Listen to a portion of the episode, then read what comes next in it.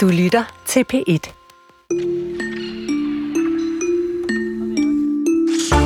Det ene magasin efter det andet forsvinder fra hylderne. Sidste år lukkede Aller tre printmagasiner og fyrede 34 i en øh, såkaldt digital omstilling. Femina kan fremover kun blive læst på nettet, Modemagasinet L lukker øh, helt her i år, og øh, før den her øvelse er masser af andre trygte magasiner stille og roligt også lukket ned i de senere år. Så vi kigger nærmere på, hvad der sker og er sket med magasinerne, og så tager vi også en tur i tidsmaskinen tilbage til 90'erne, hvor ironien virkelig var dominerende, og undergrundsmagasiner florerede. Her kan man høre historien om Chefer, et virkelig skørt og skønt ungdomsblad. det må man sige. Og så ser vi også på en øh, ny form for tennis. Øh, Altså, normalt er der jo sådan stille, når duellerne kører, publikum er helt øh, stille. Øh, det bliver erstattet af et meget højere tempo. Der er musik imellem duellerne, og så øh, må spillerne også bare skære ud, uden at de strenge dommer skrider ind. Det er det glade vanvid. Ja, jamen, det er det faktisk lidt. Og den danske tennisspiller Holger Rune har også deltaget i det her, som altså hedder Ultimate Tennis Showdown, som det hedder. Og han er faktisk ikke særlig begejstret for det. Vi ser nærmere på det her nye catcher-fænomen. Her i Kulturens anden time er det hele. Velkommen. Det er øh, Karen Sikker, og jeg hedder Linnea Albinus Lande. Og vi begynder med franskmænd og vin, fordi den franske præsident Emmanuel Macron har valgt ikke at støtte kampagnen Januarudfordringen. Det er en øh, kampagne, der er iværksat af 50 franske læger. Det er en kampagne, som øh, gerne vil have franskmændene til at gå med på den her såkaldte hvide ja, øh, januarkur, som vi også kender herhjemmefra. Øh, og det betyder jo simpelthen bare, at man ikke skal drikke alkohol i, øh, i januar. Og det er så øh, det forslag, som Macron ikke har givet øh, så meget som en enkelt euro i støtte, men spørgsmålet er, hvorfor han ikke har det, og hvad fortæller det så om Macrons og i virkeligheden hele Frankrigs forhold til øh, alkohol? Det får vi øh, heldigvis hjælp til at øh, opklare det spørgsmål nærmere sammen med dig, Karin Mørk. Velkommen. Tak skal du have. Dansk-fransk journalist fra DR's udlandsredaktion. Lad os tage den uh, from the top. Hvorfor tror du, at Macron ikke støtter den her kampagne? Altså, Macron bliver jo i medierne beskyldt for at ligge i ske med øh, lobbyister, øh, altså fra alkoholbranchen.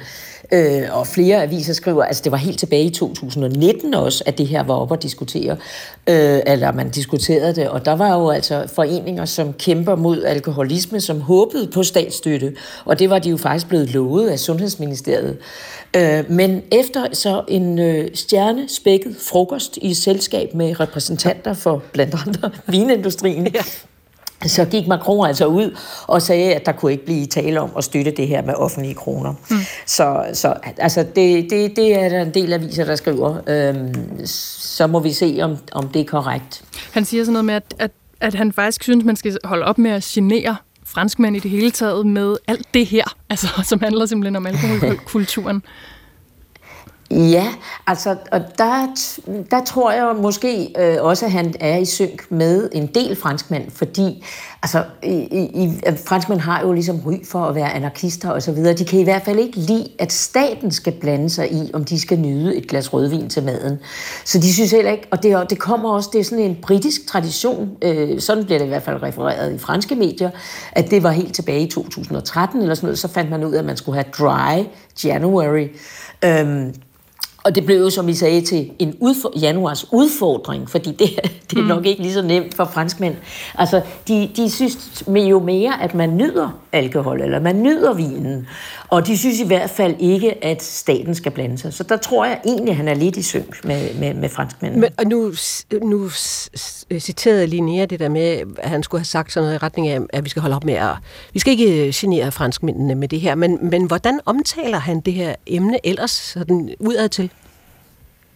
Altså alkoholkulturen? Jamen, altså, ud, Ja, altså, øh, øh, han omtaler det ikke som et problem. Altså, det er der jo det er der andre, der gør i, i regeringen, altså den tidligere sundhedsminister, som gik af for kort tid siden. Men altså, Macron ser man jo på landbrugsmesser, hvor han nyder et glas vin, og det har mange præsidenter før ham også gjort. Så har de stået og drukket øl eller noget. Og, og, og han er ude at sige også, at han drikker da vin både til frokost og til aften øh, så må man, altså, det ved jeg så ikke, om det passer, fordi at man skal jo også, øh, man skal jo også kunne arbejde. Men i hvert fald er, er, er det ikke ligesom, øh, hvad skal vi sige, farerne ved, altså sundheden, farerne ved at drikke alkohol, det er ikke dem, han slår på. Mm. Hvordan bliver det så modtaget af den generelle franske befolkning, at han, ja, måske i hvert fald ikke advarer dem mod at drikke vin? Det lyder som om, at... Karin Mørk, du, der var lidt kort udfald. Hvordan reagerer den franske befolkning på, at Macron altså, ikke forholder sig skeptisk? Ja, ja, godt. Ja, ja, der var et kort, undskyld. Ja.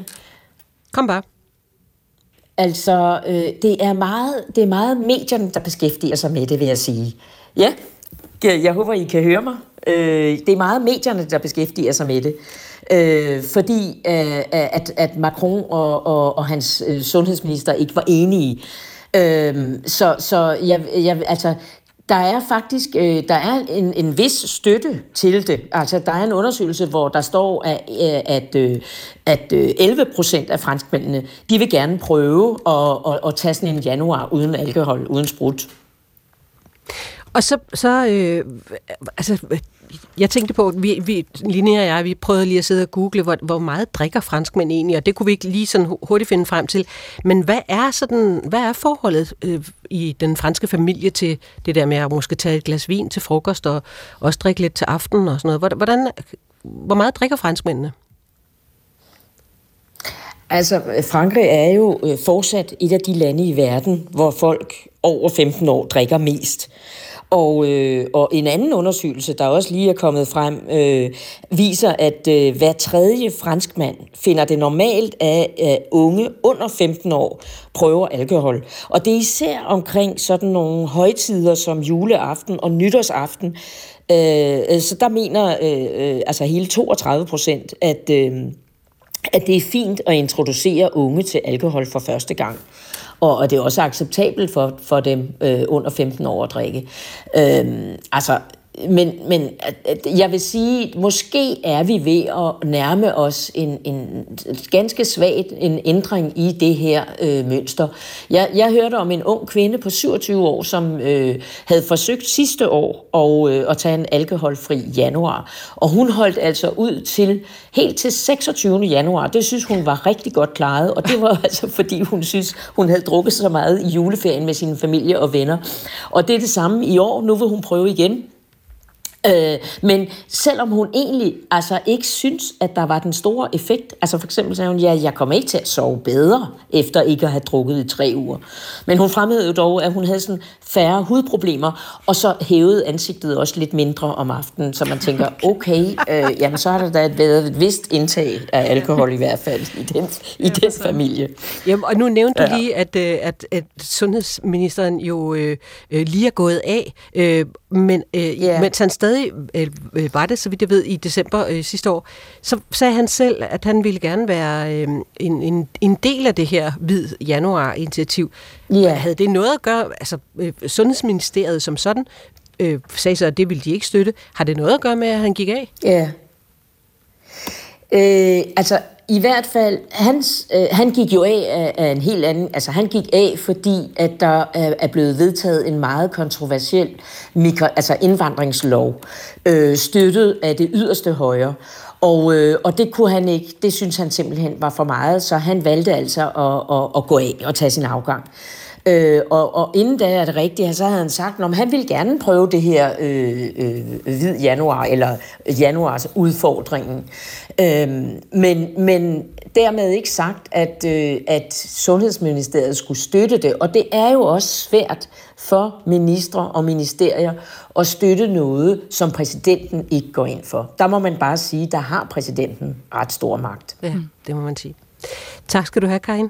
Og så jo, ja. Nå ja, undskyld, jeg vil nej, nej, også bare, bare sige, at vi kender jo, vi, vi kender jo Frankrig som et vinland, øh, og også likør og cognac og, og så videre producenter, det er jo en kæmpe industri. Så derfor så, så, så tæller man måske også lidt på knapper for at ja, holde altså dem i godt humør. Og, og, og, og, Ja, ja, og og måske skal man ikke altså, øh, animere hele befolkningen til at, at drikke meget mindre. Det, det tror jeg da ikke. Altså, hvis, man kan, hvis man kan holde det på et vist niveau, og så det ikke er farligt, så, er det jo, så, så mener man, at det er, det er, det er dejligt. Okay, så en, en anden farve januar end rent hvid. Beige. beige måske, ja. Tak, Karin Mørk. Ja, måske beige. Ja, så, det var så lidt. Dansk-fransk journalist fra øh, DR's udlandsredaktion.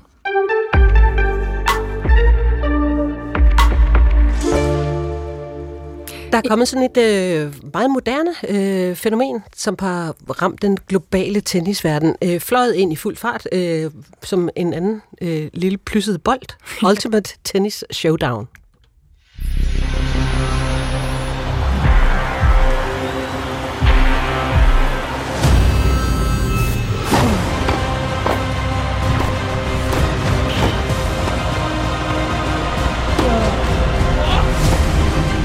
Det lyder dramatisk det her, og det er det måske også den nye tennisform for turnering, altså Ultimate Tennis Showdown, eller bare UTS.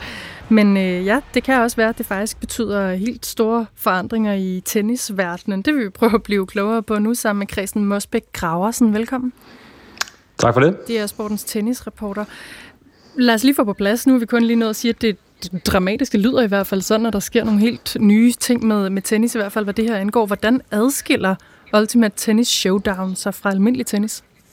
Jamen, jeg kan godt øh, forstå, hvorfor det lyder lidt anderledes, fordi tennisverdenen er jo sådan lidt, øh, ja, den er lidt grå. Nu, nu elsker jeg sport, men jeg ved godt, at øh, det måske ikke altid er det sjoveste at se på, hvis man sådan ser på det udefra. Så UTS kan vi godt sige er lige nu bare en showturnering, som eksempelvis Holger Rune spiller, når, øh, når han ikke er til de her store Grand Slam turneringer, eller når sæsonen er i gang. Så det blev afviklet eksempelvis her i december i London. Så det er sådan et format, hvor de kun har 15 sekunder mellem hvert point. Man kan smide bonuskort, hvis man vil for eksempel have, at næste point skal gælde tre point. Så det kan vi sige alle mulige mærkelige regler, som er smidt op i luften, men igen lige nu bare et, et showformat, men om ikke andet et showformat, som, som tiltrækker, ret meget, øh, tiltrækker ret meget opmærksomhed. Ja, og, og, og sætte lige nogle flere øh, ord på det, øh, Christian, for, Christian fordi øh, altså, når du siger, at det sådan normalt er en lidt grå sport, som du selvfølgelig holder meget af, så er det jo fordi, det er sådan, publikum sidder sådan øh, pænt andægtigt, og der er stille under duellerne, øh, hvide strikket veste og pullovers og så videre.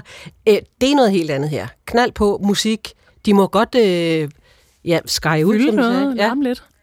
Ja, 100%, og det er jo faktisk Holger Runes øh, tidligere træner, den her øh, fransk-græske superstjernetræner Patrick Murtoglu. Det er ham, der har været med til at opfinde det her koncept. Jeg talte faktisk med ham for et par år siden på det her Murtoglu-akademi i det sydlige Frankrig, hvor Holger Rune er vokset op. Jeg har faktisk set en af de her UTS-turneringer, der blev afviklet under corona. Det han siger, det er jo, at Prøv at høre, vi har en sport, ligesom mange etablerede sportsgrene. Vi ser os OL, klassiske OL-sportsgrene, kæmper med at få tiltrukket et yngre publikum. Og der siger han, prøv at høre, vi har behov for at ændre lidt i formatet. Det skal være sjovere. Så kan det godt være, at vi går på kompromis med nogle af de her traditionelle ting, der er. Men det her, det, det, det kan altså noget andet end det, vi normalt ser. Men vi skal også huske på lige nu, det er altså bare en, en forsøgsordning. Det vil sige, eller kan vi sige en showturnering, som ligger uden for det etablerede system. Det vil sige, at ATP, WTA, som er herrenes og kvindernes tur, det er jo ikke sådan, de har noget med det her at gøre, men jeg tror helt klart, de godt kan finde på ligesom at at tage noget inspiration fra det, som UTS gør, fordi de jo har et enormt stort øh, underholdningsværdi. Ja. Gælder det lidt på samme måde som i fodbold, som jeg jo ikke ved sådan helt vildt meget om, men hvor man jo diskuterer trods alt, om man skal spille for spillets skyld, eller om der også skal være en høj underholdningsværdi, altså i selve det, der foregår på banen? 100 procent, og man har jo også set det faktisk i Spanien, hvor der bliver spillet, jeg tror det er sådan noget 7 mod 7 fodbold, hvor nogle tidligere stjerner spiller, og hvor man jo går efter et markant yngre publikum. Og, og der sidder jeg jo, jeg er godt nok kun 32 år, men jeg sidder jo stadig måske med den der tanke om, at eksempelvis i tennis, at Grand Slam turneringer, det skal jo være de fire store, altså Australien, øh, French Open, vi har Wimbledon, vi har US Open. Det er jo det, man kan vinde, og, og så skal det være sådan, det er. Men jeg tror også bare, at vi må erkende, at der kommer en yngre målgruppe, hvor det her måske ikke betyder så meget, og, og historie ikke betyder så meget. Man har også set det i, i golfverdenen, hvor der er et, et helt nyt system, der hedder Lift Golf, som er sådan en, en udbryderliga, som bryder med alt det traditionelle, og det er faktisk modsat UTS, altså det her tennisformat, så er det, så er det en showturnering, der ligger, kan vi sige, ved siden af øh, ATP-turen, VTA-turen. Den er ikke sådan på, på den måde konkurrence med, med de etablerede formater. I golf har man simpelthen set, at der er kommet øh, nogle oliemilliardærer ind og, og taget de bedste spillere for at spille i et format, hvor man nu eksempelvis spiller en golfrunde over tre dage, øh, i stedet for fire dage, eller en golfturnering over tre dage i stedet for fire dage. Så jeg tror, det er, det er helt klart en tendens, vi ser i den retning i sportens verden. Mm. Og det hører lige med til beskrivelsen af det her, øh, den her form for tennis, at det også en, øh, en del af det er, at spillerne får sådan nogle særlige navne. Altså for eksempel hedder Holger Rune The Viking. er det, er det en, en trussel øh, mod den etablerede tennis, tror du? Altså, jeg tror ikke, det er en trussel lige nu, men lidt som jeg siger, så tror jeg helt klart, at at lige nu finder øh, ATP-turen, WTA-turen, de finder inspiration den vej. Man har jo også set, at, at, at der er i nogle turneringer, hvor der er interviews mellem sættene, så eksempelvis det der har vi også øh, set Holger Rune være sådan lidt, lidt, lidt småsur i det her format, hvor han siger, at det, det er noget mærkeligt noget, det her. At der tror jeg da helt klart, at man kigger i nogle små turneringer, kan, kan vi lad os inspirere af det her, fordi selvom de lige nu siger, ja, jamen, de har ikke noget historie, de her turneringer, øh, de har godt nok pengepræmier. Jeg så, at pengepræmien var på omkring sådan 2,5 millioner for at vinde det her, plus alt det, de får for at stille op. Så vi skal også huske på, at spillerne gør også det her uden for sæsonen, fordi der er rigtig mange penge i det, øh, i forhold til, hvad de ellers ville tjene på sådan en, en off-season, hvor, hvor der ikke bliver spillet turneringer. De har selvfølgelig deres sponsorater, så jeg tror helt klart, at lige nu er det måske mere en inspiration, men det vil ikke overraske mig, at vi om 20 år 30 år ser en, en tennisturnering i de traditionelle formater, som lægger sig tættere op af UTS. Mm. Holger Rune, som altså kom på øh, andenpladsen i UTS, i, øh, altså sidste blev øh, afholdt, han var, som du siger, Christen, ret, øh, sådan lidt gnaven over det. Vi kan lige høre et øh, klip med det. Do you think this format has thrown you off a little bit? I don't enjoy it. Why? Yeah, I don't know. It is still tennis, but it's weird. Why is it weird? It's a stupid question. ja, okay. Øh, og så har han ikke sagt for meget. Øh, Christian Mosbæk Graversen, nu nævnte du lige det her med pengepræmierne, men hvad kan være, hvis vi skal være lidt tydeligere omkring hans grund til overhovedet at, om, at stille op i den her type sådan lidt mellemturnering? Hvorfor tror du, en fyr som Holger Rune gør det? Penge. 100% penge. Ja. Altså det tror jeg, vi skal være ærlige at sige lige nu. Har det ikke noget med, med sport, det har ikke noget sportslig værdi. Der er ikke nogen, der husker, at det var Jack Draper fra England, der vinder den her UTS-turnering over Holger Rune i finalen. Så lige nu handler det 100% om penge, og ja, selv nu, nu er der ikke øh, video på det her interview, som, som I spillede i, i radioen, øh, men hvad der kan man jo se, Holger Rune, han er jo, han er jo rasende i øvrigt, så er det en drøm for en journalist at kunne stå i den situation og interviewe en spiller, efter han lige har tabt et af de her, det hedder altså ikke engang et sæt, det hedder en quarter, øh, i, i det her format. Så, så det er jo en drøm at, at, at kunne bruge de her formater og udnytte dem. Men, men nej, der er ikke, det handler ikke om andet end, end penge om at, for, for spillerne, øh, også fordi det ligger på det tidspunkt. Og jeg vil faktisk nogle gange sige, ah, vi har set Holger Rune kæmpe lidt med, med fysikken nogle gange. Jeg tænker sådan lidt, ah, er, det, er det virkelig sådan en turnering her, du skal bruge din energi, energi på? Men øh, ja, der, der, tæller, der tæller pengene altså meget. Men altså, nu spørger jeg måske lidt dumt, men er det det simpelthen fordi, at den traditionelle tennis også bare er lidt kedelig? Med Jamen, al respekt. Det, det er jo 100%, der er jo, den, der er jo en grund til, at man kan lave et kommersielt marked for det. Altså, så kan det godt være, at der er nogen, der siger, at sportsligt har det ingen værdi, men de kan jo lokke tilskuere til London for at se det her. Der er også tv-serier til det.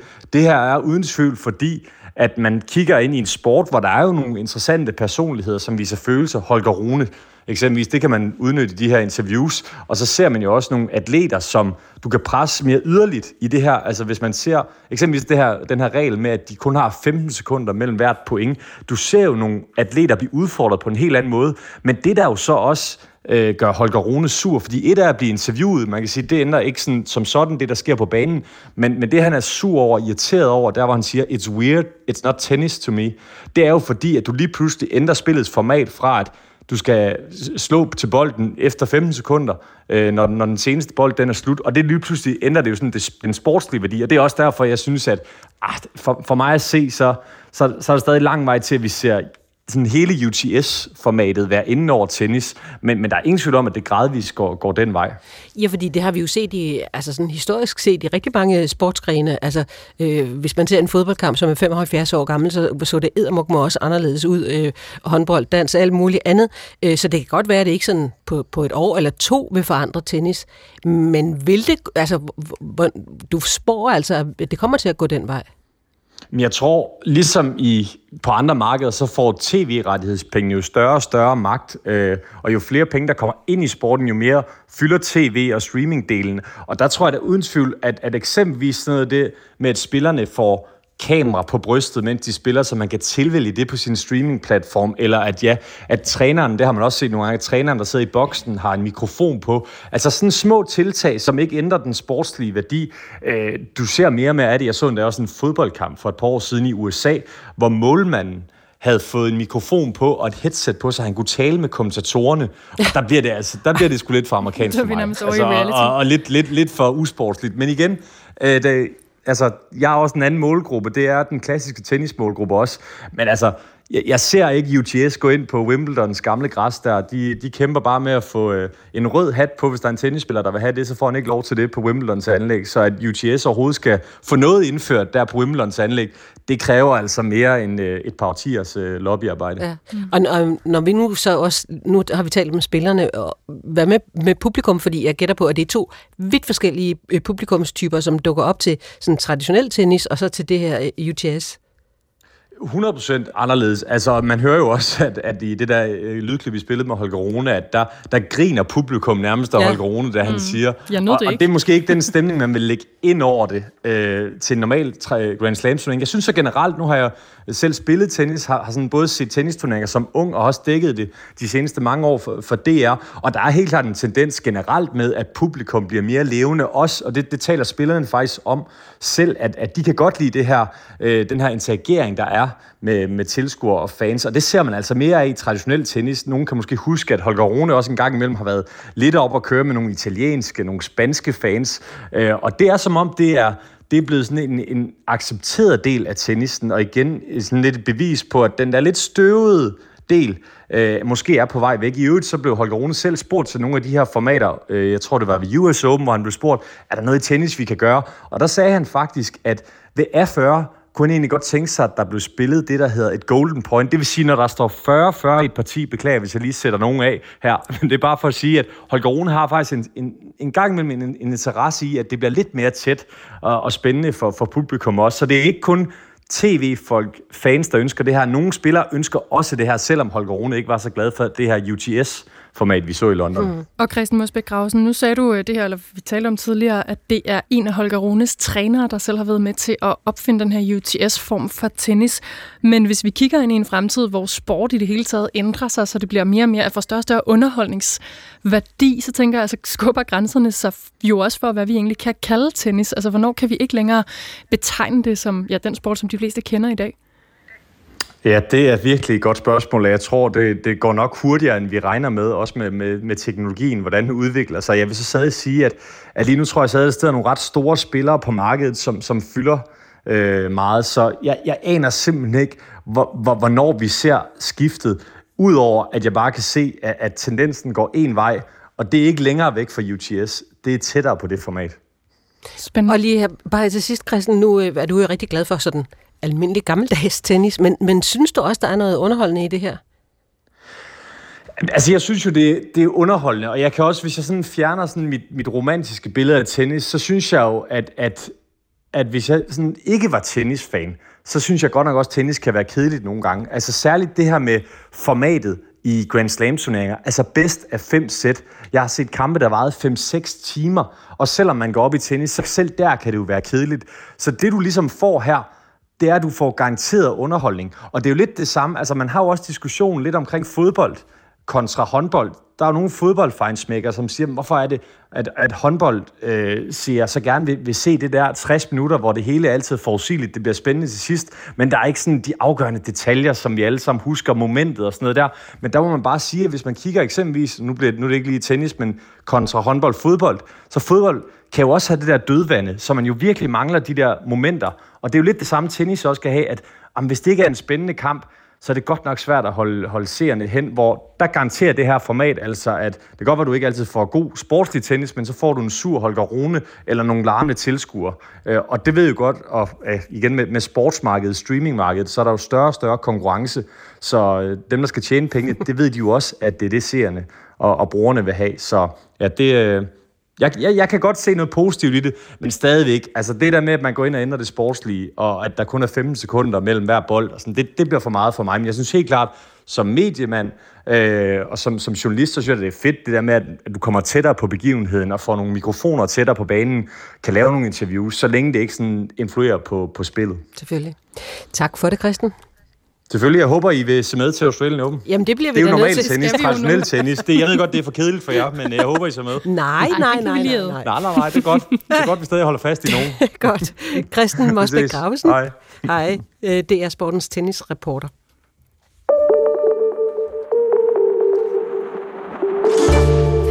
Der udspiller sig stadig en kulturkamp på de amerikanske eliteuniversiteter. Her på Kulturen har vi tidligere også været omkring, hvordan universiteter, der som blandt andet er Harvard University og University of Pennsylvania, er blevet anklaget for at tillade antisemitisme og antisemitiske ytringer.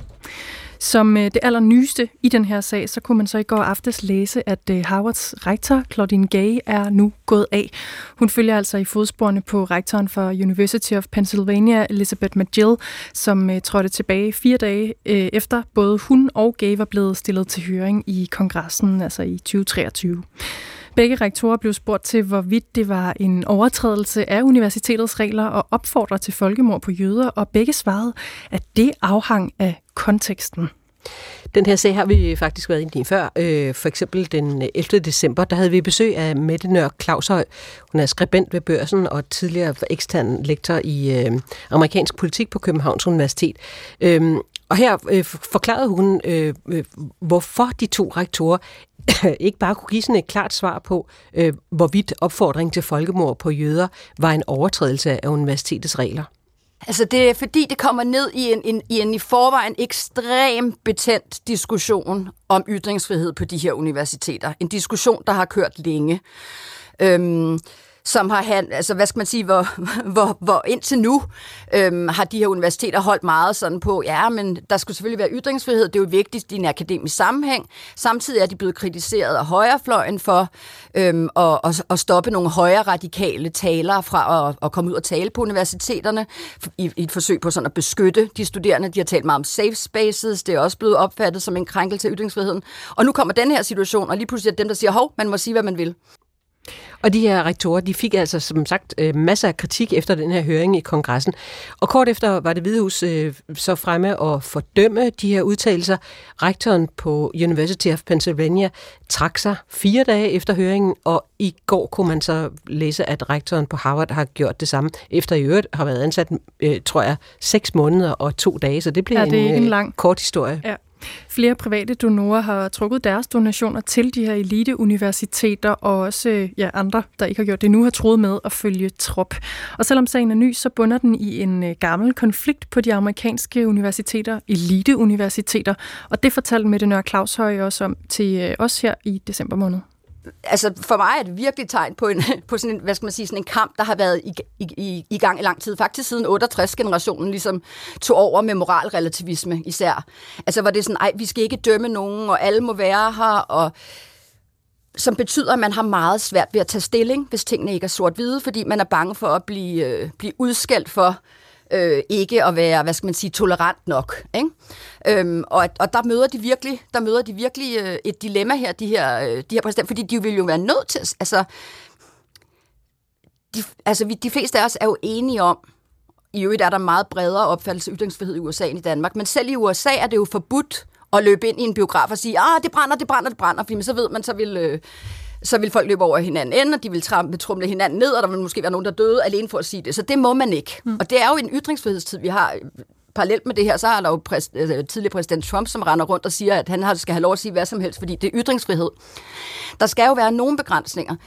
Men, men i en akademisk sammenhæng, filosofisk diskussion, rationelt logisk, kunne man, kan man godt argumentere, jamen de, der må godt være studerende, der har en studiegruppe, hvor de sidder stille og roligt med hinanden og diskuterer, om det egentlig er rimeligt, at Israel eksisterer overhovedet. Problemet er bare, at hvis at, at, at det er jo en ting. Noget andet er at rende rundt og, og tegne hagekors og, øhm, og råbe ned med jøderne og ned med Israel osv. osv., osv. Og det er der er de simpelthen på en eller anden måde kommet i en konflikt. Det er jo et spørgsmål om, og det kender de fleste mennesker jo i alle mulige sammenhænge, at der er to værdier, der er i konflikt med hinanden. Ikke? Altså retten til at være og være tryg, og samtidig med retten til ytringsfrihed. Og hvornår skal den ene, ligesom, øh, hvad skal man sige, øh, veje tungere end den anden? Og der er de her universitetspræsidenter, jeg opfatter det simpelthen som om, de sidder i deres elfenbenstårne og taler med andre akademikere om det, og de er ikke vant til at komme ud i den rigtige verden. Og det er sådan, de bliver taget imod af den Lige rigtige præcis, verden. for de bliver bedt om et lidt mere sådan klart svar, ikke? Sådan fortalte Mette Nør Claushøj, skribent ved Børsen og tidligere ekstern lektor i amerikansk politik på Københavns Universitet, og det gjorde hun til kulturen, da hun var på besøg den 11. december. Claudine Gay har øh, undskyldt senere for sine udtalelser i et øh, interview med Howard Universitys studenteravis. Og hvem der kommer til at afløse hende, det er der endnu ikke nogen, der ved. I hvert fald ikke os. Jeg indrømmer blankt, at det er meget, meget, meget, meget sjældent. Øh, øh, jeg nogensinde har købt sådan et magasin. Jo, da jeg var ung, øh, vi unge, det var virkelig ja. godt dengang. Nå, også da du var ung? Ja, også det ja, var præcis. Ja. Øh, men der men findes jo et hav. Nej.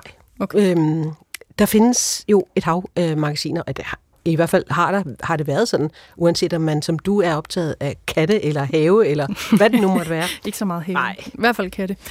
Og ja. det går ikke godt. Det går ikke godt øh, for de trygte magasiner. I november måned droppede Aller tre printmagasiner og fyrede 34 medarbejdere i det, de kaldte en digital omstilling. Femina bliver digitalt fremover også. Modemagasinet L lukker helt fra i år, og øh, før den her øvelse er øh, alle mulige andre trygte magasiner også simpelthen lukket ned stille og roligt. Og nu kigger vi på, hvad der er sket, og hvad der kommer til at ske, og også for at øh, simpelthen lige at tage en tur i tidsmaskinen. Så vi kommer lidt omkring magasinerne på alle mulige måder. Vi skal også, og det er først lidt senere, men en tur tilbage til 1990'ernes ironi, og dens simpelthen prime time, og et øh, virkelig sjovt og mærkeligt undergrundsmagasin, der hed Chefer, som var i øh, høj kurs. Men først, Karen Klitgaard Poulsen, velkommen. Ja, tak. Lektor ved Institut for Æstetik og Kommunikation ved Aarhus Universitet, og heldigvis forsker i magasiner og, øh, og ugeblade. De forsvinder lige så stille, de her magasiner, specialmagasinerne. Mm. Vi unge, som Karin lige nævnte, Bravo, magasinet Mor, Tidens Kvinder, Street Boys, Topmodel, Frikvarter osv. Kommer det bag på dig, at alder nu og andre udgivere stille og mere eller mindre sikkert lukker ned for de her trygte magasiner? Nej, det kommer overhovedet ikke bag på mig. Altså, det øh, har jeg forudset øh, siden digitaliseringen for alvor slog igennem. Men, men øh, hvorfor egentlig? Fordi øh, nu, nu er jeg ikke den store forbruger af, af de her glittede magasiner, men det er jo lige præcis også det, der har været deres raison d'être. Altså det der med, at man kan bladre i dem.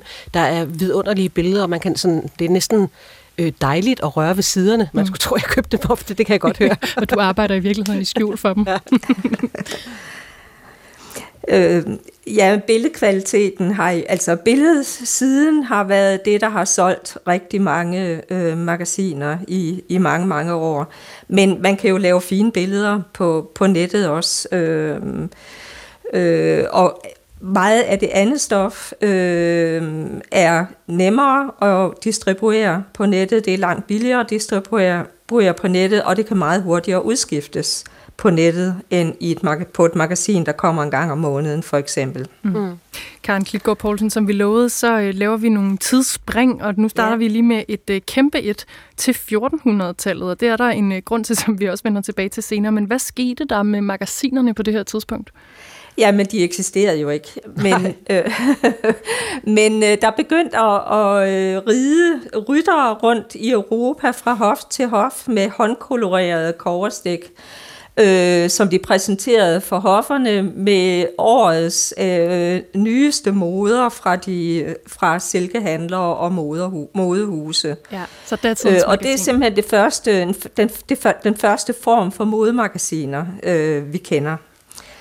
Øh, og det siger sig selv, at det var besværligt og dyrt og langsomligt. Så det var de rige, der fik fat i dem? Det var, det var toppen af poppen, ja. Hmm. Ja, og prøv at sætte nogle flere ord på. Hvad var det, man kunne få at vide? Jamen, man kunne få at vide, hvordan man burde se ud øh, for at repræsentere sig på en tidsvarende måde på niveau med de andre øh, hoffer. Øh, men det blev jo så øh, meget hurtigt til, at hele Europa blev dækket af et postvæsen, og at papir og trykning blev meget billigere. Øh, og derfor så begyndte man at producere øh, blade og magasiner øh, med nyheder, øh, især om forbrug, øh, som også blev, altså som blev rettet mod middelklassen. Og med tiden, og så er vi helt oppe i, i altså middelklassen, det er sådan 1700-tallet, men i 1800-tallet kommer arbejderklassen og alle og enhver simpelthen med på den her magasin og, eller bladbølge. Ja, og er det så det, du be, vil betegne som, øh, som det trygte magasins guldalder? Det er slutningen ja, det, af 1800-tallet? Ja. Ja, slutningen af 1800-tallet, altså med hjemmet øh, og familiejournalen, øh, der regner man med, at der, øh, der var ikke pålidelige oplagstal og læsetal og sådan noget dengang, men man kan se på... Øh, på udgivelsesmassen, at stort set alle husstande i Danmark har været dækket af enten familiejournalen eller hjemmet, eller begge dele, fordi man byttede med hinanden. Og gemte dem. Altså, jeg har arvet efter min, min ja. faster sådan øh, to meget tykke bind, hvor hun gemte familiejournalen og fik det indbundet. Ja, Altså, jeg har her på mit kontor øh, otte bind, tror jeg, det er alt for damerne, som min mor har indbundet efter at have været på et bogbinderkursus for at kunne gøre det. Ja, men mm. det siger jo noget om, hvor, hvor, hvilken status magasinerne havde. Ja. Men Karen, er der forskel på det her tidspunkt på, hvad arbejderklassen og overklassen læste hver især? Ja, der er øh, meget stor forskel, fordi øh, øh, arbejderklassen, øh, og, og det er både på land og i by, gik meget efter, eller ville gerne læse fortællinger. Altså øh, fiktion, øh, og meget, meget kulørte fortællinger om grever og bortførte prinsesser og sådan noget. Øh, mens middelklassen var mere interesseret i forbrug og repræsentation og nye madopskrifter, og det er jo den periode, hvor frøken Jensen også øh, kommer frem i, i hjemmet og bliver den største kogebogsforfatter øh, i Danmark. Øh, så der er sådan en meget, meget tydelig klasseforskel i, øh, hvem der læser hvilke magasiner, og hvad det er, de øh, sætter pris på. Ja. Og, og ret mig nu lige om lidt, men jeg, jeg har en tilbøjelighed til at forbinde meget med noget, kvinder læste, hvad enten det var noget for de rige kvinder, eller, eller knap så rige kvinder. Var, var der også magasiner til herrene og børnene dengang? Det var der, men altså både øh, alt, øh, altså familiejournalen, altså familiejournalen havde noget til hele familien. Der var hobby-sider til mændene og rebus-sider til børnene og så videre. Og så fandt man jo øh, op i, i 20'erne og 30'erne ud af, at øh, mændene også var en interessant øh, forbrugsmulighed. Øh, øh, øh, så der kom mandeblade øh, allerede 20'erne og 30'erne til... Øh, til gentlemanen øh, med råd til, hvilken hat man nu skulle gå med nu, mm. og sådan noget. okay, og hvis vi så lige øh, hopper 10-20 år frem i, i tiden, så kommer der altså for alvor billeder i magasinerne. Ja. Hvad er det for en type kultur, man kan finde på det her tidspunkt i bladene?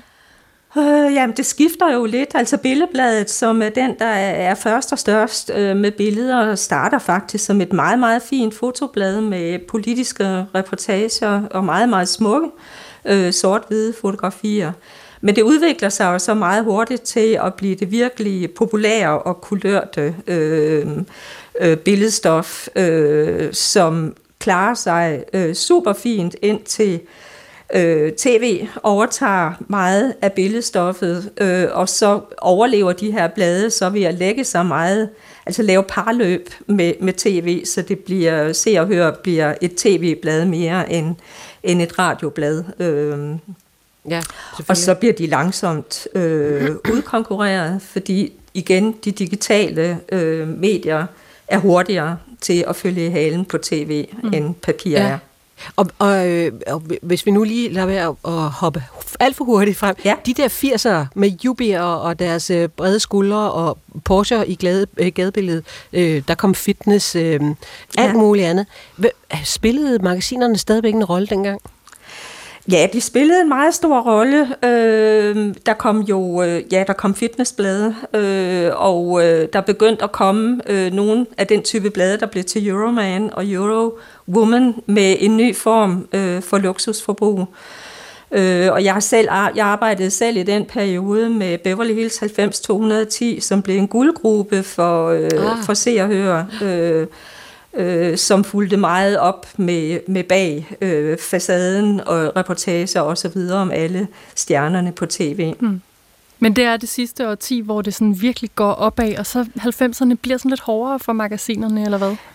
Ja, det gør det, både på grund af det digitale, men også forbi, fordi kioskerne begynder at forsvinde fra de danske byer øh, og det bliver meget dyrt øh, at få adgang til hyldemetre i supermarkederne. Altså det bliver simpelthen vanskeligt at få distribueret de her øh, magasiner øh, og ugeblade. Øh, så hvis man går ind i et der er ikke så mange kiosk. Altså, der er nogle 7-Eleven, ikke? Hvis du går ind i dem eller ind i et supermarked i dag, så fylder de meget, meget lidt. Øh, ganske få meter. Mm. Altså, dem, ja, tilbage. Ja, og, og, og når vi nu er ved 90'erne, altså det er jo et årti, som jeg og rigtig mange andre øh, forbinder meget med sådan ironiens ja. årti. Det har du også skrevet meget om. Øh, harmonerer det simpelthen dårligt med magasinudgaven, altså sådan i den brede forstand? Nej, det kan man egentlig ikke sige, fordi der har jo hele tiden været øh, øh, humorblade øh, og ironiske blade, øh, og den måde, som øh, øh, altså det, som jeg har undersøgt med, med hvordan man skrev øh, om Beverly Hills, det var også øh, meget blandet med ironi øh, og humor, så det kan man egentlig ikke sige. Øh, men, men man kan sige, at det gik for langsomt, øh, og øh, distributionen blev vanskeligere og vanskeligere. Mm. Nu er det så 2024, vi skriver i øh, kalenderen, og som vi kan høre, så går det ikke sådan helt vildt godt for de, de øh, magasiner, som de fleste måtte kende i dag, modemagasiner blandt andet. Hvad for en fremtid spår du for dem? Jamen, jeg tror, vi får lidt det samme billede som øh, i 1400-tallet. Altså, man kan jo, der hvor magasinerne virkelig trives, det er lufthavne. Og det er internationale luksusmagasiner og kunstmagasiner øh, som der stadigvæk er øh, god øh, afsætning på, fordi øh, papir kan øh, altså levere en billedkvalitet, som er væsentligt bedre end det digitale, når det handler om luksusvarer. Mm. Så, så vi er lidt tilbage til 1400-tallet med, at det sådan er den øverste middelklasse og overklassen, som får, ad, altså, som får appetit på ypperlige luksusvarer i de her magasiner. Ja. Tak for det, Karen. Selv tak. Karen Klitgaard Poulsen, lektor ved Universitet, øh, Institut for Æstetik og Kommunikation ved Aarhus Universitet, og altså øh, forsker i magasiner og øh, ugeblade. Og vi bliver lidt ved de der 90'er. Øh, en ret øh, vild tid på mange øh, planer, også i magasinuniverset. Det kan man øh, høre i ungdoms-tv-programmet Supergeil, der har kastet sig over det nye magasin, vi øh, nu har nævnt nogle gange, Chefer. Og så skal vi kigge på det trendy blad Chefer.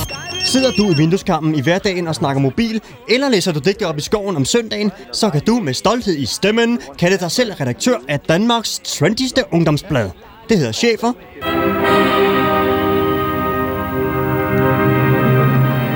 Chefer, ja, det er easy listening i bladform. Du får blandt andet gode råd til, hvor tv'et skal stå, en lille hurtig punk-quiz, og så kan der også stå ind i en guide til, hvordan du broderer Anja Andersen ned i din egen håbpude. Ja, der var altså fart på i Apropos øh, ironi, Ja, ja. Søren. Men jeg gad da godt at lære at brodere Anja Andersen. Nå. Øh, et par af tidens toner Easy Listening med Master Fatmans projekt Lindberg Hemmer Foundation. Lindberg, altså øh, Morten Lindberg, var bare en af en gruppe unge, der tilbage i 1994 startede det her magasin Chefer. Det udkom 17 gange frem til 2024, og redaktionen bestod af Martin... 2004, tror jeg kun det var. Nå, hvad sagde jeg? 2004? tak, Karen. Nå, øh, Martin Kongstad, Morten Lindberg, Henrik List og Kim Foss stod øh, bag Master Fatman, er her, som de fleste ved, ikke øh, længere. Men til gengæld er Kim Foss velkommen. Tak. Nu direktør for Grandbiografen i København, men altså dengang med til at starte chefer. Hvad, øh, hvad er det for en tid, hvis du lige skal kigge tilbage, Kim, dengang i 90'erne, begyndelsen af 90'erne? Ja, man kan sige, nu, nu var det jo ikke noget, vi lavede og levede af på nogen som helst måde, så det var jo sådan mere et, et fritidsprojekt, vi havde, og øh, egentlig opstået øh, med, med, sådan, med afsæt i kan vi sige, nogle fælles interessesfærer, og så også bare en masse sjov ballade. Hmm. Ja, det kan man se, fordi nu er Øh, nu står både Linnea og jeg med nogle af jeres forsider printet. Og vi har grinet, og vi har grinet hele dagen. Altså her er et nummer, øh, hvor der står chefer for øver, øverst selvfølgelig, fordi det var bladets navn. Og så er der, øh, som på de fleste forsider, en cheferhund. Og den her har en taleboble, der siger op med humøret. Og så kan man i øvrigt på forsiden øh, se, at bladet vil indeholde bøsser, altså stort bøsse Nyrok Grækenlands nummer. Øh, og så er der akvareller og sejlsport. Og så det, jeg synes er det bedste i hele verden, der er en test. Test dig selv. Er du fra Indien? Hvor kom det her fra, Kim? Altså, vi, vi var jo nok nogle krøllede hjerner alle sammen, øh, og Morten var måske den allermest krøllede af alle, så vi, vi sad egentlig bare og, og jazzede lidt rundt omkring tingene og fik idéer og skrev ned, og så havde vi øh, forskellige roller i det her, og jeg var måske den mere seriøse afdeling. Vi skrev jo også selv artikler til bladet, og noget af det, når du nævner Grækenlands tema, så, så er det jo faktisk, sådan som jeg husker det, sådan en, en halvseriøs rejseberetning, jeg har skrevet fra en, en ø, der hedder Forlegandros i Kykladerne, og det, det var også en del af mixet. Og så var vi nok de første, der tog rundt. Det var lidt inden mobiltelefonerne havde de ekstra funktioner, de har, så vi tog også rundt til ferniseringer og fester og alt muligt og tog billeder og dokumenterede, hvad vi var med til, og så satte, tog vi hjem, og så satte vi os ned, og så skrev vi nogle billedtekster, der meget sjældent var i overensstemmelse med sandheden. Okay, så bare lige for at forstå, når, når Karen hun læser op, og, og jo i det her ironiske spor må man gå ud fra, når det er chefer, vi står med i hånden. Stort bøsse Nyrok Grækenlands nummer, og det er en rejseberetning, du har været inde over, så er det ikke ren ironi, men sådan en slags blanding, hvor noget af det er helt sort, og andet er ja, faktisk et ægte stykke virkelighed. Ja, så, så, så jeg ved ikke, altså jeg vil bare sige, at øh, sådan som jeg husker 90'erne, så gik vi ikke rundt og var jo selv bevidste om, at vi levede i en eller anden ironiens til tidsalder, og øh, hvis vi blev gjort til eksponenter for det, så er der altså noget, der er kommet siden hen. Jeg tror slet ikke, det var sådan, vi tænkte. Hmm.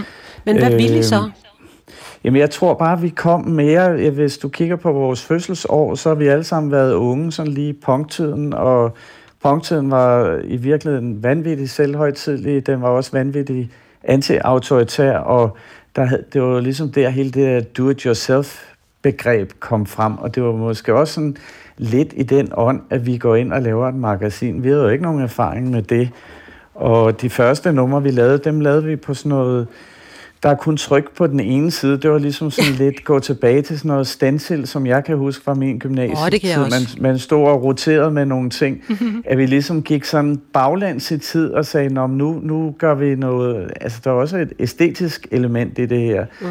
Nu går vi helt retro på det der, og så øh, klipper vi det sammen, så man kan se, hvor det er klippet sammen. Ikke noget fancy Photoshop eller noget.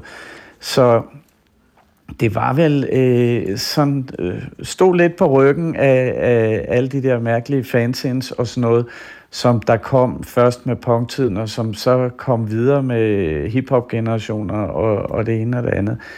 Øhm, så det er lidt, vi har stået lidt på skuldrene af det, men det er jo også bare vores eget tossede udtryk. Mm.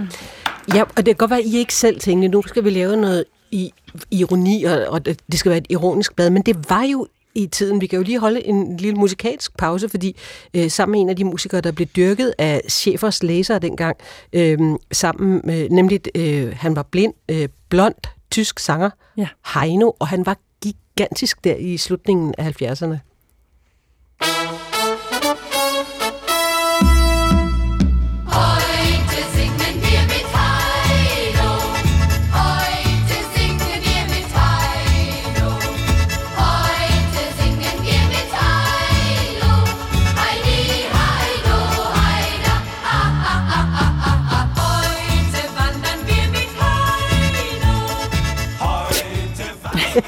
Og du er også fan, Kim?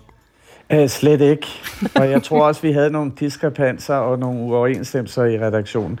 Æh, Morten var sådan en, der bare købte plader hele tiden, når han var på loppemarkedet og havde metervis af James Last og alt muligt. Altså det har jeg aldrig rigtig kunne holde ud og lytte til. Mm. Øhm, jeg har godt kunne grine af det, men på sådan lidt en dobbelt måde, fordi at øh, man var også alvorlig samtidig. Ja. Og Kim Foss, det lyder jo trods alt, som om I har haft det ret hyggeligt med at lave det her øh, for magasin. Og øh, trods øh, interne redaktionelle stridigheder, hvad husker du så om, hvordan magasinet blev modtaget? Jamen, det, blev, det var helt formidabelt. Jeg kan huske, vi havde vores første, øh, vores første magasin, som vi stod ude på Islands Brygge et eller andet sted, og virkelig samlede i hånden i tusind eksemplarer. Det var øh, et meget, meget slidsomt hårdt fysisk arbejde, og så havde vi reception ude på øh, Allégade, øh, og så tog jeg på sommerferie. Da, da jeg kom hjem, så kunne jeg, jeg manglede et eksemplar til en ven eller et eller andet. Og min eneste mulighed var at købe det antikvarisk øh, for 250 kroner i en eller anden øh, øh, mærkelig butik ude på Frederiksberg. Så, så det blev jo revet væk. Og nu var vi heller ikke, det var heller ikke dyrt og fancy, vi havde. Vi plejer at sige, at vi har kun ét redaktionelt princip, og det er, at bladet det skal koste 20 kroner. Nå, okay, jeg står faktisk med et fra 97, så det er ikke for at sige dig imod. Jeg kan se, der står 20 på det. Vi har en, en forside liggende fra 94, men sådan er altså sted til en halv triller i 97. Ja, det er ikke utroligt. men men øh, derfor havde vi et princip. Ja, ja. ja. Altså. De, de er efter min mening også til at få blive brudt. øh, når, når du sådan tænker tilbage på det, øh, hvordan op, husker du den tid? Altså, Jamen, jeg, jeg, jeg, jeg synes, vi havde det ved, det var også det, du lidt siger, det er jo, det er jo meget tydeligt. Altså, nogle af de der ting, øh, nogle af de der møder, vi havde, der, altså, jeg, jeg sad jo og græd og grin, øh, mens øh, vi producerede bladet, fordi altså, vi havde det virkelig, virkelig sjovt med det, vi lavede. Mm. Øhm, jeg kan også huske, at vi lavede en video, og det var den største udfordring af dem alle, fordi der skulle vi jo filme os selv. Jeg kan huske, at vi tog ud i skoven og læste digter op, og det var sådan rimelig umuligt at holde masken. Men altså, vi, vi havde en fest, og øh, samtidig vil jeg sige, at vi også sådan hver især kunne komme med vores øh, mærkelige idiosynkrasier og og, og skrive artikler om hvad som helst, og vi bød jo også alle mulige andre op til dans, så vi, vi, vi var jo et åbent forum, hvis der var nogen, der kom og havde en idé, og det var der mange, der gjorde, eller et eller andet, som de gerne ville skrive om, eller sådan noget, så bød vi dem jo bare ind i folden, og så, så var de bidragydere. Mm. Jeg, vi skal lige have et par eksempler mere, synes jeg. Jeg står med det aller, allerførste nummer, hvor øh, cheferen selvfølgelig er på billedet. Her siger den bare, wuff. Øhm, og så er ho- hovedhistorien Arti Stryber, og så Dukar til pizzafest.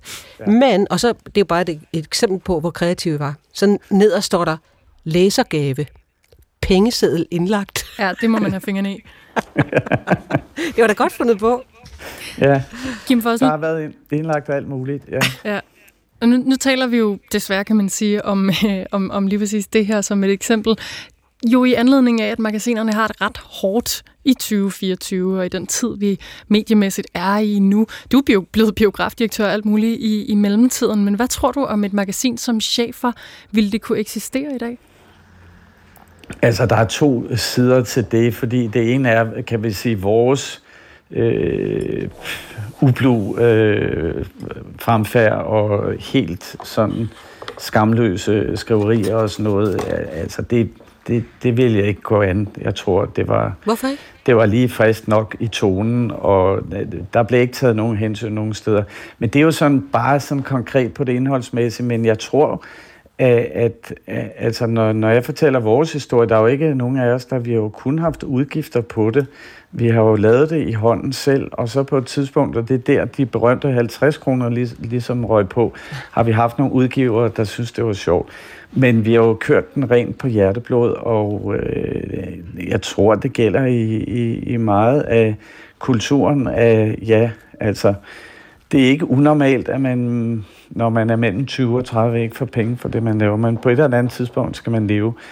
Og i de unge kreative år, der kan man altså godt, øh, der kan man godt klare sig for mindre, men det hjælper dig, at der er tidsskriftstøtte og sådan noget, som jeg jo husker var en, var en vigtig ting for mange af dem, jeg kendte, for eksempel i kunstverdenen. Vi har nogle magasiner som Pist Procha, hvis jeg har hørt om dem, som har eksisteret lige siden da, men som, som bliver ved med at komme ud med, med mærkelige magasiner, altid i forskellige formater og, og mm, virkelig specielt indhold og det ene og det andet. Ja. Altså, men man skal ikke regne med at leve af det.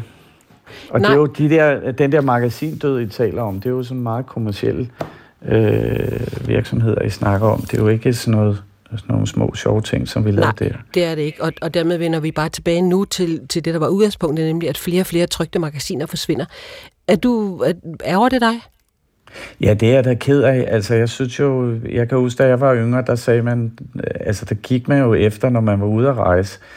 Så, så, og især øh, før nettet havde slået igennem for alvor, der var det jo det, man gik efter. Man gik efter pladebutikkerne, man gik efter de der, øh, skal vi sige, boghandlere eller øh, butikker, der solgte magasiner, det ene og det andet. Det var ligesom øh, en hver bys kulturelle centrum. Det var der, man kunne opsnappe alle de informationer, man skulle bruge, også for at gebære sig videre ud i de steder, man var. Ja, og der er et eller andet med det der med at sidde og bladre, altså, mm, som man ikke helt har på, på et internetmagasin, ikke? Altså, jeg vil sige, nu sidder jeg i en biograf, og ja. altså, det, det sidste, jeg kommer til at gøre, det er at tage det trygte månedsprogram fra kunderne, fordi der er altså virkelig stadig rigtig mange, som sætter pris på at sidde med noget, som du siger, sidder og bladrer i det kunne lægge det frem på sofaen, og får du besøg udefra, så kommer de ind, og så siger de, Gud, nej, har du det liggende? Det var da spændende. Og, og det ligger der også i det der. Og så er der sådan en eller anden fetishisme også, at vi gerne vil have noget håndgribeligt. Mm. Så jeg er ikke sådan vildt nervøs øh, for fremtiden, men det er igen på de der mere specialiserede produkters vegne, jeg kan tale. Det er godt. Tak for det, Kim Foss. Selv tak. Som altså var med til at starte øh, det legendariske blad Chefer. Og nu er direktør for Grandbiografen. Ja. Man kan få det sidste nummer stadigvæk på en af bagmændenes øh, hjemmeside. Det er listshop.dk, man skal ind og have fat i, hvis det her har vækket særligt stor nysgerrighed, øh, historien om magasinet Chefer. Og jeg ved, Karen, at du bliver ellevild nu, fordi vi kan lige nu at slutte med Heino og mere fra det her øh, blinde tyske, man kunne nærmest kalde det et spektakel, og hans helt udødelige nummer, Die Schwarze Barbara. La, la.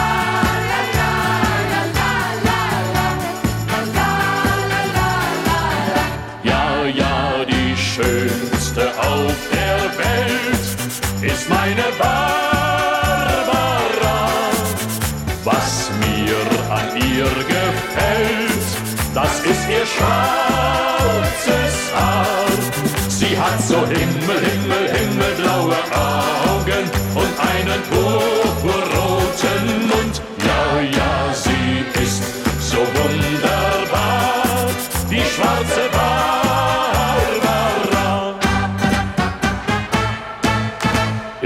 Wald in der Schenke zum Kürassier klopft zur Nachtzeit durstig ich an. Es öffnet die schwarze Barbara, es schenkt ein der grobe Johann. Schenkt ein, schenkt... Det var dengang, man virkelig kunne rulle på ærne. Ja, det er for fedt. Hej, nu var det. Programmet er produceret af Thomas Holmby Hansen. Vi hedder Karen Sækker, det gør du, Karen, og jeg hedder Linnea Albinus Lande. Tak for i dag. Gå på opdagelse i alle DR's podcast og radioprogrammer. I appen DR Lyd.